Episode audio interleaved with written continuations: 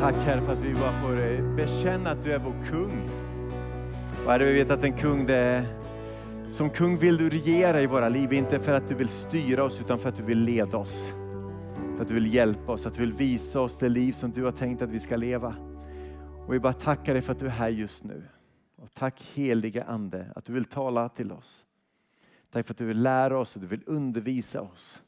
Och vi ber dig heliga Ande att du ska få finnas här just nu och tala in i våra hjärtan. Amen. Varsågod och sitt behövde jag inte riktigt säga.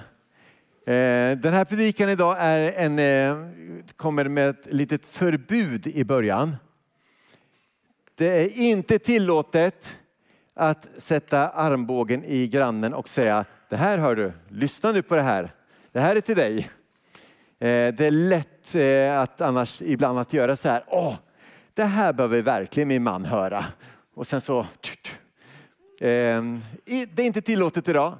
Ehm, det är tillåtet att du lyssnar och tänker att okej, okay, vad är det här? Tala till mig. Ehm, du har ansvar för ditt liv. Din man eller din fru har ansvar för sitt liv. Din son har ansvar för sitt liv. Så att eh, lyssna och utvärdera och fråga Gud, vad är detta Gud vill du säga till mig? Vi började en predikoserie förra veckan som vi har valt att, som jag sett fram emot men som jag också bävat lite inför. Därför att det finns en del av det vi kommer säga som stör och irriterar mig om man kan säga så. För tanken är att vi ska utforska hur vi lever och vad det är för slags liv som vi lever. Och som vi kanske, liv som vi valt att leva. Och nu kan man diskutera, har jag valt det här livet eller måste jag leva det här livet för att kunna leva i den här världen som vi lever i? Och det kan man ju diskutera. Men jag skulle säga att vi till stor del väljer hur vi lever våra liv. Man behöver inte vara särskilt intelligent för att man ska inse att den tid som vi lever i har sina brister. Och en relevant fråga stötte jag på, en, eh, jag gick på ICA för flera år sedan och så hade de så här, eh, vecka åtta hade de så här bok, bokbål, höll på att säga, men det hade de inte, men bokbord så här med, med bokrea. Eh, och då var det en, eh, en bok av en eh, präst som heter eh, Per Arne Dahl från Norge som har skrivit en bok som heter Varför har vi det inte bättre när vi har det så bra? Och det är en ganska relevant fråga. För vi har, vi har det väldigt bra i Sverige på väldigt många olika sätt. Ändå är det så många som tycker att livet inte är bra. Och det är lite av det som vi vill röra om i de här veckorna. Som jag tror att Gud skulle vilja, inte bara röra om under den här tiden, utan faktiskt vi skulle våga att ifrågasätta hur vi lever våra liv och vad vi lägger vår tid och vårt engagemang på. Det kan röra saker vi rörde förra veckan om det bagage. Ni vet att jag släpade fram mängder resväskor här på scenen. Och eh, jag kan bara säga för alla de som vet att jag inte får bära tungt efter min ryggoperation. De var tomma allihopa. Så ni vet det. Men det kan röra sig om sånt vi bar på förra veckan. Eh, det kan också handla om saker som vi valt i vår livsstil. Där vi har valt att anamma ett sätt att leva där man vill, man vill ha allting. Man vill ha en fin bostad, vi vill ha fina kläder, man vill ha snygga kläder, en fin bil, en ny telefon. Och när vi har fått det, då vill vi ha en större bostad, nyare telefon, dyrare kläder och, och sen så trappar det där upp. Och så när vi fått det, då vill vi ha nästa nivå. Och det är ingen som känner igen sig, det vet jag. Men, men framförallt en del äldre här inne för dem är det sättet att leva ganska främmande. För de har vuxit upp och haft väldigt lite och lärt sig det här ordet förnöjsamhet, att faktiskt vara tacksam för det man har. För vi har mycket, mycket, nu kallar jag mig yngre då, men jag tillhör den här generationen som vill ha. Vi har mycket att lära oss av den äldre generationen. Av tacksamhet och förnöjsamhet att faktiskt säga, okej okay, Gud, tack för det jag har fått. Och vara nöjd och tacksam för det. Och nästa vecka kommer Jonas Helgesson att predika om att leva enkelt. Att leva enkelt. Vilket är, kommer bli jätteutmanande för oss. Så jag tänker gå ner och vara med barnen nästa söndag. Eh, vill någon följa med mig så kan ni prata med mig efteråt här sen. Ehm, men det kommer bli riktigt bra. Och vi kommer tala om det här, hur kan vi leva lättare? Hur kan vi resa lätt? Därför att det finns så mycket i våra liv som, vi, som bara läggs på och sen så bär vi det och sen till slut känner vi att amen, jag orkar inte med, jag hinner inte med, jag fixar inte den press och det tempo som är. Och så möter vi Jesu ord när han säger Kom till mig, alla ni som är trötta och bär på tunga bördor. Så ska jag skänka er, eller ska jag ge er vila.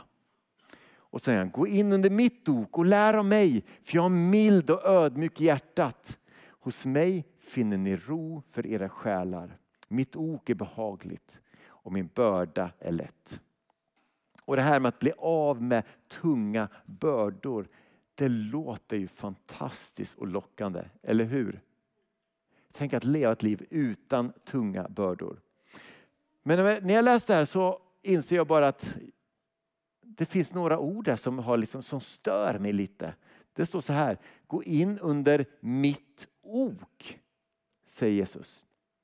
Mitt ok är behagligt och min börda är lätt. Det innebär att det handlar inte om att leva tillsammans med Jesus, handlar inte om att bli befriad från alla slags bördor. För när Gud skapade oss så skapade han oss att ta ansvar, att förvalta, att råda, att göra, att vara en del av den skapelse som Gud hade skapat oss in i. Så det handlar inte om att, för att eh, förtydliga då, den här bild som Jesus använder av ett ok, det är den bilden man har för när man ska ta två oxar och sen ska man liksom sätta ihop de två oxarna så att de tillsammans kan dra en börda. Jag tror vi har en bild på det. Ja. Ehm, jag valde en noggrann bild för de flesta bilder på oxar med ok de var alldeles leriga och bara rann och liksom så, så hemska ut. Så det här var den snällaste bild jag kunde hitta. Men att när vi ser det här så tänker vi, oh, men det där vill vi inte ha. Vi vill inte liksom ha ett ok på axlarna och dra. Vi tänker kanske lite mer i västvärlden att när Jesus säger att kom till mig ni som är tyngda bördor så tänker vi lite mer så här. Det där är nog det Jesus menar. Att sligga, inga krav, ingen press, ingenting, inga måsten, ingenting. Bara, bara vara. Och där tänker man ibland att det är vad Gud kallar oss till. Men det är faktiskt inte det. Vi kallar att leva våra liv här, men att leva på det sätt som Gud har tänkt i hans tempo och på det sätt som han har kallat oss att göra.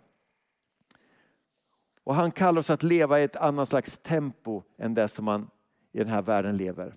Och det är det lite som vi ska tala om idag, att leva eller att skynda långsamt.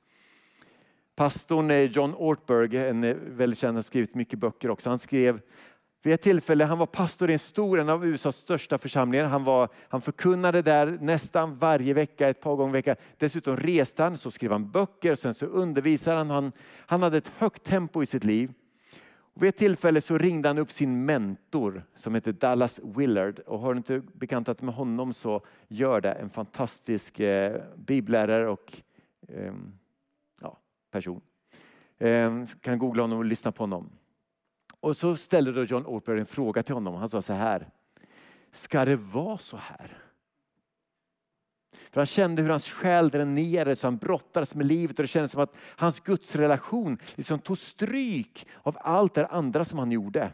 Så han frågade, måste det vara så här? Ska det vara så här? Och sen så berättar han då att när man talar med Dallas Willard då blir det alltid en lång paus. Och det blev det. det var en lång paus. Och sen så, kommer då, så svarar han så här. Du måste hänsynslöst eliminera skyndandet från ditt liv. Så John Orper han tog en anteckning i sin anteckningsbok och sen sa han okej, okay, något mer? Ännu en lång tystnad. Och sen säger han då, det finns inget mer.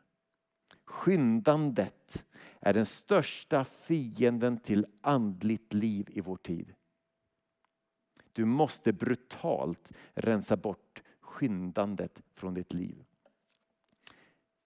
Det tog en man som heter John Mark Comer fasta på och egentligen ställde om sitt liv utifrån just det. Den boken finns där nere. Eh, köp den och läs den. Vi har ett jättebra pris på den. Eh, andra böcker som jag kommer citera är bland annat Utmaningar av, eh, av Craig Rochelle om mobiltelefoner och sociala medier. Jätte, jättebra. Livet med Jesus, jättebra bok. Och sen en bra bok som heter På väg, kan man också köpa där nere. Eh. Och anledningen till att jag lyfter fram böcker är för att en del automatiskt när jag sa böcker tänkte så här, undrar om den finns som ljudbok. Så att jag kan lyssna på den på två gånger hastigheten. För en del som gör det vet jag. Men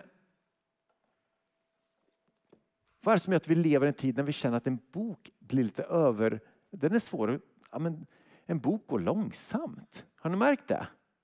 Filmer är snabba, böcker är lite långsamma. Och jag tror att det här tempot som vår värld har, som gör att vi tycker att en bok är långsamt och kanske ännu mer att Bibeln är långsam.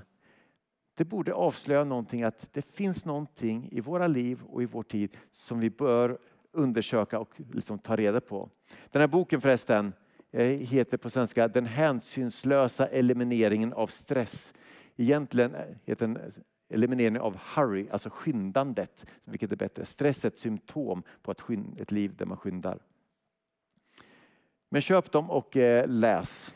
För skyndandet får med sig konsekvenser i våra liv av stress. Och ibland så känner vi att oh, jag är så stressad, och stressad. Vi går till en läkare och säger att jag är så stressad och jag, jag mår inte bra, jag får ångest. Och sen behandlar man symptomen. När man egentligen borde gå till roten. Vad är det som gör att jag känner just så? Skyndandet får med sig konsekvenser. Och lösningen är inte alltid, som vi tror, att stryka saker i vår kalender.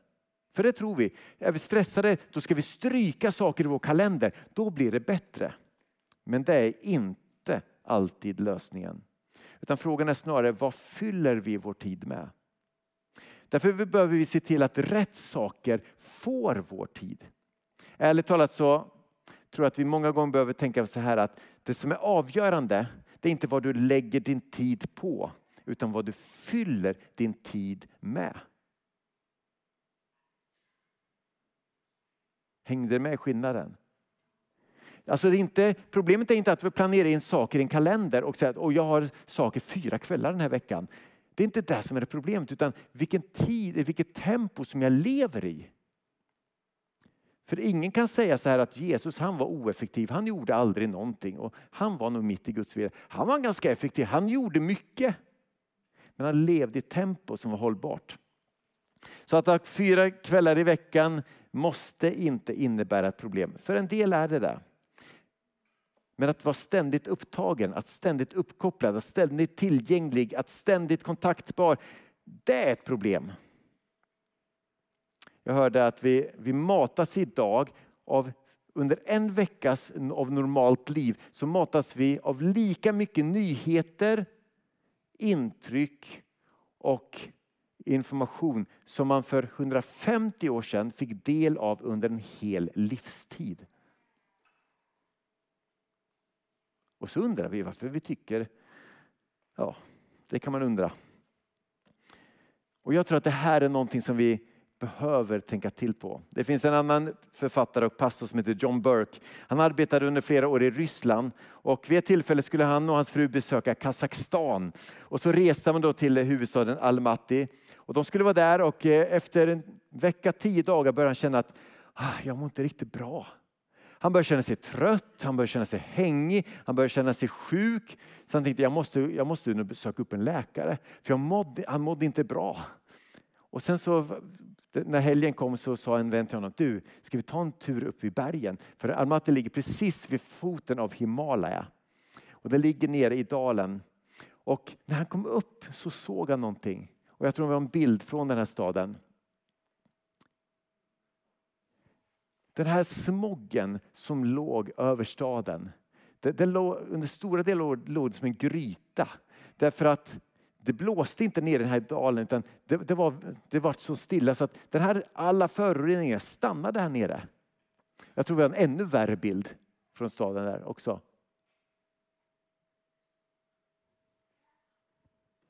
Nej, det hade vi inte. Ehm, men här, när han levde då där nere så andades den här luften som fanns där omkring honom. Så andades han ju samma luft som alla andra andades. Och han kände sig hängig. Och han insåg också att alla andra går omkring och småhostar, är trötta och är hängiga. Men ingen tycker att det är något problem. För det är väl så man lever. Det är så det ska vara. Men han kom upp på höjden och såg det här och insåg att, att jag har inte sett luften som jag andas. Och den gjorde någonting med mig. Den, den gjorde någonting med mig. Och jag tror att det är precis så vi behöver tänka kring den värld och den tid som vi lever i. Att vi kan se att ja, men alla andra lever ungefär så här. Alla andra liksom eh, ser på allt det här och alla andra gör ju det här och alla andra hinner med det här. Så varför gör inte jag det? Varför känner jag att jag får svårt att andas, att jag känner mig hängig och, och liksom dålig? Jo, därför att vi inte ser att den tid och det samhälle som vi lever i faktiskt är ganska destruktivt. Och jag skulle vilja komma in, det här är ändå en predikan, jag skulle komma in att det här också blir en andlig fråga till slut. Vad Gud får för utrymme i våra liv. Och så hamnar man då i den här frågan att vad är det då? Om du inte problemet är vad jag, vad jag lägger min tid på utan vad jag fyller min tid med. Då måste man säga, vad är det jag fyller min tid med? Vi lever ständigt uppkopplade, vi har mobilen i fickan så att det kan plinga till när som helst och vi är alltid nåbara. Och sen har vi all underhållning, filmer, sociala medier, vi har mobilspel och vi har allt annat. Och det är inte bara stjäl vår tid utan det gör någonting med oss. Det gör oss den här ger oss ständiga små dopaminkickar som gör att åh, det känns bra. Hela tiden. Den är gjord för det. Grundaren, en av grundarna av Facebook, han eh, hoppade av Facebook och skrev en bok och i den boken så sa han så här. Och det var i relation till eh, både Facebook och andra appar.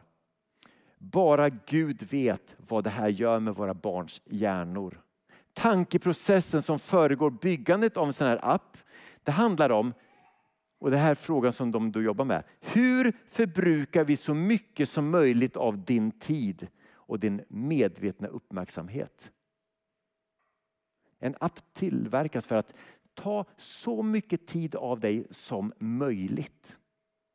Hålla dig så upptagen som möjligt så att du ska spendera så mycket tid som möjligt. Därför att du är inte en konsument, du är varan. Din tid säljs sedan vidare till företag som använder din tid för att göra reklam och på så sätt tjäna pengar. Så det här blir en andlig fråga.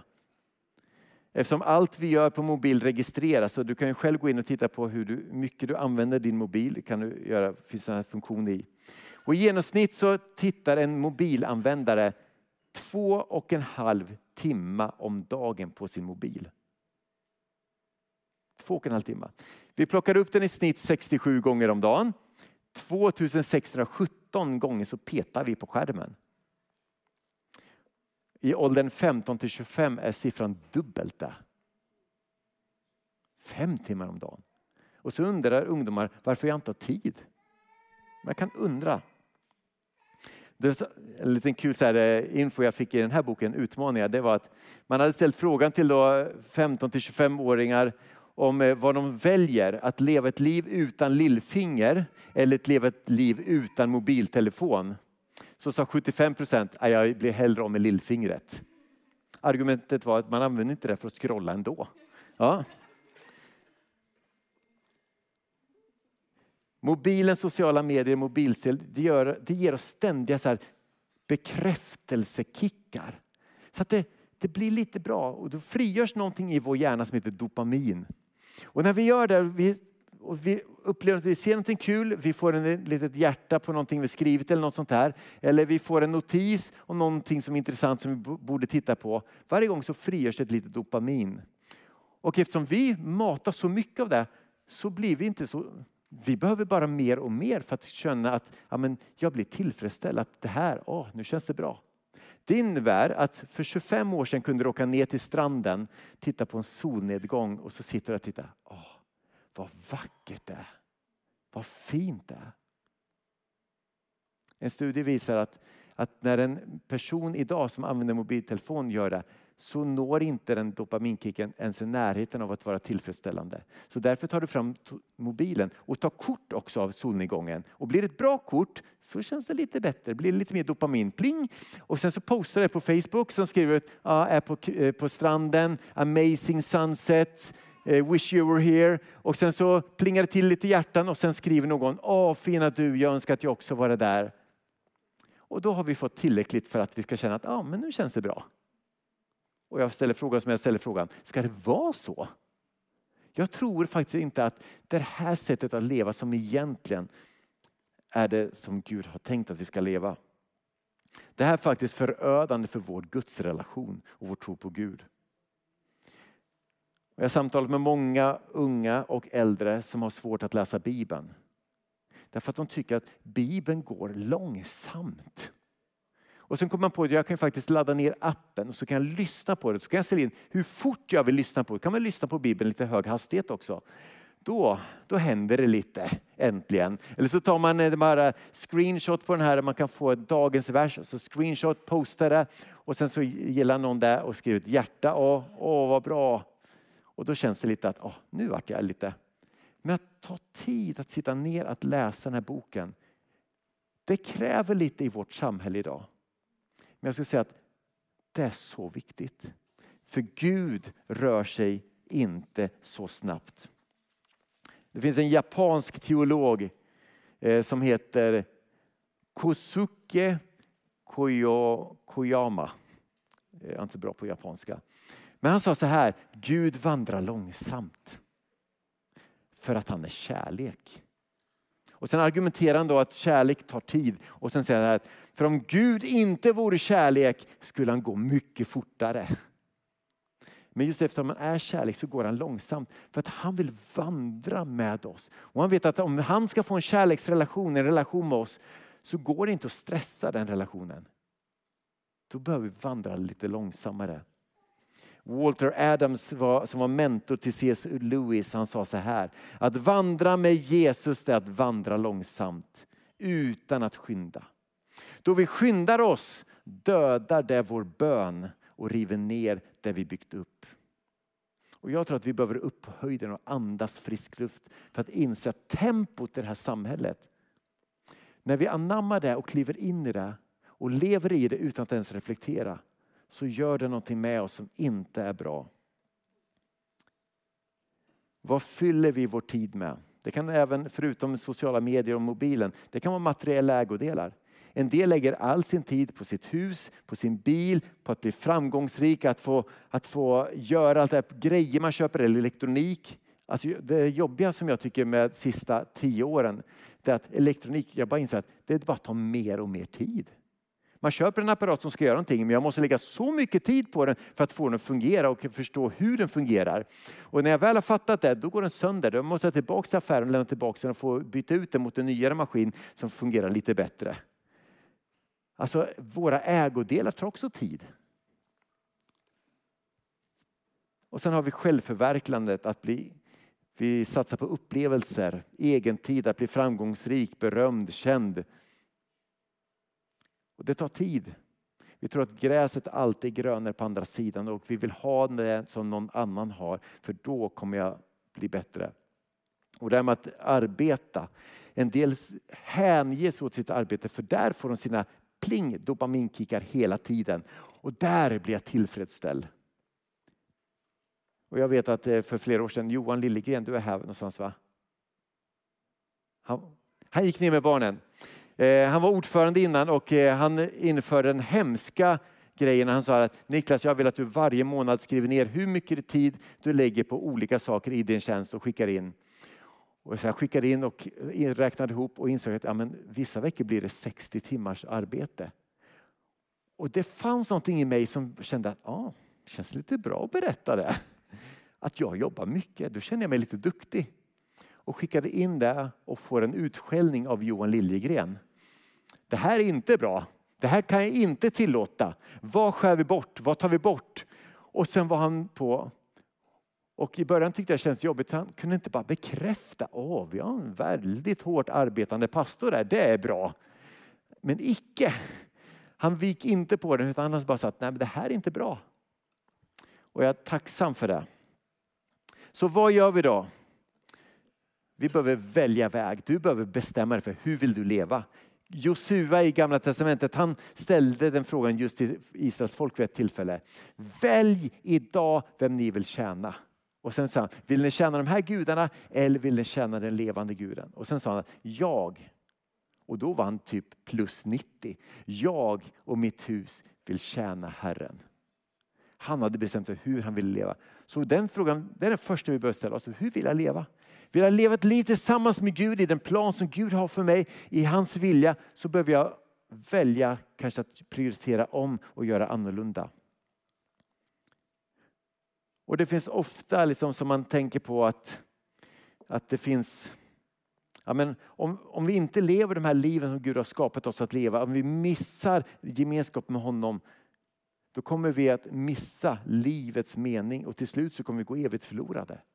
Så det finns en ganska högt pris att välja bort Gud. Någonting annat vi kan göra är att hänsynslöst då eliminera skyndandet från våra liv. Börja, om du känner dig pressad och stressad och att du inte får tiden att gå ihop. Börja inte med att ta fram mobiltelefonen, in i kalendern och börja stryka aktiviteter. För många av aktiviteterna ger faktiskt energi och glädje. Börja istället fråga att hur mycket tid får den här? Vad, vad ger jag min tid till? Vad fyller jag min tid med? Och jag, också i eh, den här boken Utmaningar så tar han upp han har väldigt mycket roliga exempel. Men han säger då att 46 procent av alla i åldern 16 till 24 har med sig mobilen in i duschen. Om du tillhör den person som ofta tar med sig mobilen in i duschen, då är du förmodligen mellan 14 och 26 år. Nej. Eller så har du bara en ovana. Och jag tror att vi behöver andas lite frisk luft här. Vi behöver tänka om. Och från det att man väljer att ta bort de här dopaminkickarna så tar det upp till ett halvår innan din kropp ger respons på det. Det innebär att du kommer klia fingrarna, du kommer känna att det, det stör, att det, det, är någonting som inte stämmer. Det här är inte bra, Åh, jag måste. Men ge det tid. Risken är att du, att du kommer att känna att det är jobbigt att det kommer kännas att det kliar i fingrarna. Du kommer tycka att någonting är fel. Men jag skulle önska att du ändå överväger det. För det finns någonting, att man hamnar i ett dilemma just här. För att om jag inte scrollar, om jag inte fyller mig, om jag inte matar mig med allting, då kommer min dopaminnivå att sjunka och då kommer jag känna att åh, jag är inte så lycklig längre. Men om man fortsätter att mata sig och mata sig och mata då kommer man få dåligt samvete för att jag har lägger så mycket tid på sånt som egentligen inte har verkligt värde. Vilket orsakar att jag också kan känna mig ännu mer stressad och känna mig ännu mer att, ah, vad är livet egentligen? Ett resultat som man talar om det är att ett för stort input av dopamin, av alla upplevelser, av snabba grejer. Det är att jag känner mig mer och mer bortkopplad från mitt eget liv. Jag känner, att jag känner mig inte närvarande. Jag känner att jag har svårt att njuta i stunden. Jag, vill, jag har alltid min tanke någon annanstans. Om jag pratar med någon, om det går lite långsamt så ja, men då åker mobilen upp. Och Det här är inte hållbart. Och eftersom det här är inte en föreläsning utan en predikan så, så skulle jag säga att det här är faktiskt en del av vad Gud behöver ta tag i våra liv idag. Vi ser inte den här luften som vi andas men den påverkar oss. Corrie ten Boom som var en fantastisk kvinna, levde under andra världskriget, gömde många judar, blev själv tagen till koncentrationsläger, utsatt för mycket tortyr. Hon kom ut från koncentrationslägret sen och har skrivit allt det här i sin bok om gömstället, en jättespännande bok. Men hon sa så här, om djävulen inte kan få dig att synda så kommer han jobba för att göra dig upptagen. Och det är sant. Och därför har synd och upptagenhet eller skillnader, det har samma konsekvens, samma liksom feedback, eller samma konsekvenser in i ditt liv. För om vi syndar då bryter det min relation med Gud. Men det här skyndandet som vi lever i förstör också min relation med Gud. Så både synd och skyndande på sätt och vis skiljer dig från Gud. Och precis som vi behöver be om förlåtelse för våra synder och göra upp med synd i vårt liv så bör vi kanske också tänka, vad är det jag lägger min tid på? Får det här skyndandet mig att faktiskt tappa min relation med Gud? Och Carl Jung, psykologen, han sa så här att skyndandet är inte från djävulen. Skyndandet är djävulen. För Gud längtar efter relation med oss. Han längtar efter att få lära känna oss. Han längtar efter att vi ska ta tid med honom. Och alla här som är gifta vet att bland det viktigaste man kan ge det är odelad uppmärksamhet. Min fru säger det ständigt till mig. Jag vill ha din uppmärksamhet. För jag kan vara så borta i tankarna Men att vara närvarande. Nu är det du och jag. Det är så viktigt för all relation. Och så också i vår relation med Gud. Att ta tid med honom, att sätta sig ner, att läsa, att umgås med honom. Även om det går långsamt så är det där som vi finner gemenskap med Gud. En som upptäckte det, det var eh, Maria. Jesus var hemma vid ett tillfälle i Betania, hemma hos Lazarus och där bodde då systrarna Marta och Maria. Och Marta hon skyndade sig, hon fixade, hon lagade mat, hon ordnade. Och jag ska säga, det är inget fel med det. Hon gjorde inget fel. Maria däremot satt vid Jesu fötter och lyssnade på vad han hade att säga. Och efter en stund kom Marta och började klaga. Herre, sa hon, bryr du dig inte om att min syster har lämnat mig att ensam sköta allting? Säg nu till henne att hjälpa mig. Och Marta, som jag sa, hon gör egentligen inga fel. Därför att det handlar inte om att det är mindre värt att, att eh, fixa mat och att städa än det är att lyssna till Jesus. Det är inte mindre värt. Felet med Marta var att hon inte såg värdet i det som Maria gjorde. Så Jesus svarade henne, Marta, Marta. Du gör dig bekymmer och oroar dig för så mycket. Men bara ett är nödvändigt och Maria har valt den goda delen. Och den ska inte tas ifrån henne. Hemligheten är att vårda vår relation med Gud. Det är att den inte går att skynda eller stressa fram. Gud går långsamt. Och vi ser inte luften vi andas. Det innebär att vi har skapat en livsstil där vi ersatt nära vänskap mot ytliga bekantskaper. Förundran över det lilla mot belöningar för det snabba. Trohet, överlåtelse, tacksamhet mot kickar, snabb uppkoppling och begär. Och vi har bytt ut Gud mot underhållning, nöje och upplevelser. Men för att leva annorlunda behöver vi lära oss av Jesus. Ta på oss hans ok och lära av honom. Och frestelsen vi står inför att, att då stryka våra kalendrar. Men jag skulle säga att se istället till att rätt saker får din tid. Och det vi behöver är att som Maria välja den goda delen, att välja den goda delen. Att ha tid och jag skulle säga att ha ro, tålamod för att umgås med Jesus. Att sitta vid hans fötter. För när vi inser att, att när jag söker först Guds rike och hans rättfärdighet, då kommer andra bitarna också falla på rätt plats. Och när jag kommer till kyrkan, när jag umgås med, med vänner, när jag läser Bibeln, när jag lo, lovsjunger, när jag, då är det som att jag lyfter upp de här bergen och jag inser bara att amen, hur smutsig är inte luften som vi andas? Och vad gör den med oss egentligen? Och när Jonas nästa vecka kommer att tala om att leva enkelt kommer att bli utmanande av att kanske vi skulle skala av våra liv. Ägodelar, materiella saker. Så är det en del av att andas frisk luft och säga att okej okay, Gud, hur vill du att jag lever? Vad vill du att jag satsar på? Vad vill du att jag ger mig tid till? Och aldrig förut har Paulus ord ropat så starkt till mig som de senaste veckorna. De säger anpassa er inte efter denna världen. Utan låt er förvandlas genom förnyelsen av era tankar. Så att ni kan avgöra vad som är Guds vilja. Allt det som är gott och fullkomligt och som behagar honom. Att gå i ok med Jesus, att gå i hans takt innebär inte ett liv utan ansvar. Utan ett liv där vi tar ansvar för våra liv och väljer att gå tillsammans med honom i den takt som han har. Även om samhället rusar på. Herre, tack för att du kan tala både på ett och två sätt. Tack för att du kan tala genom ditt bibelord, men tack för att du också kan tala till oss genom statistik och siffror. För att bara visa på hur är det? Hur är vår värld egentligen? Hur ser den ut som vi lever i? Och Herre, vi längtar alla här inne efter att få leva liv där våra liv har betydelse för andra.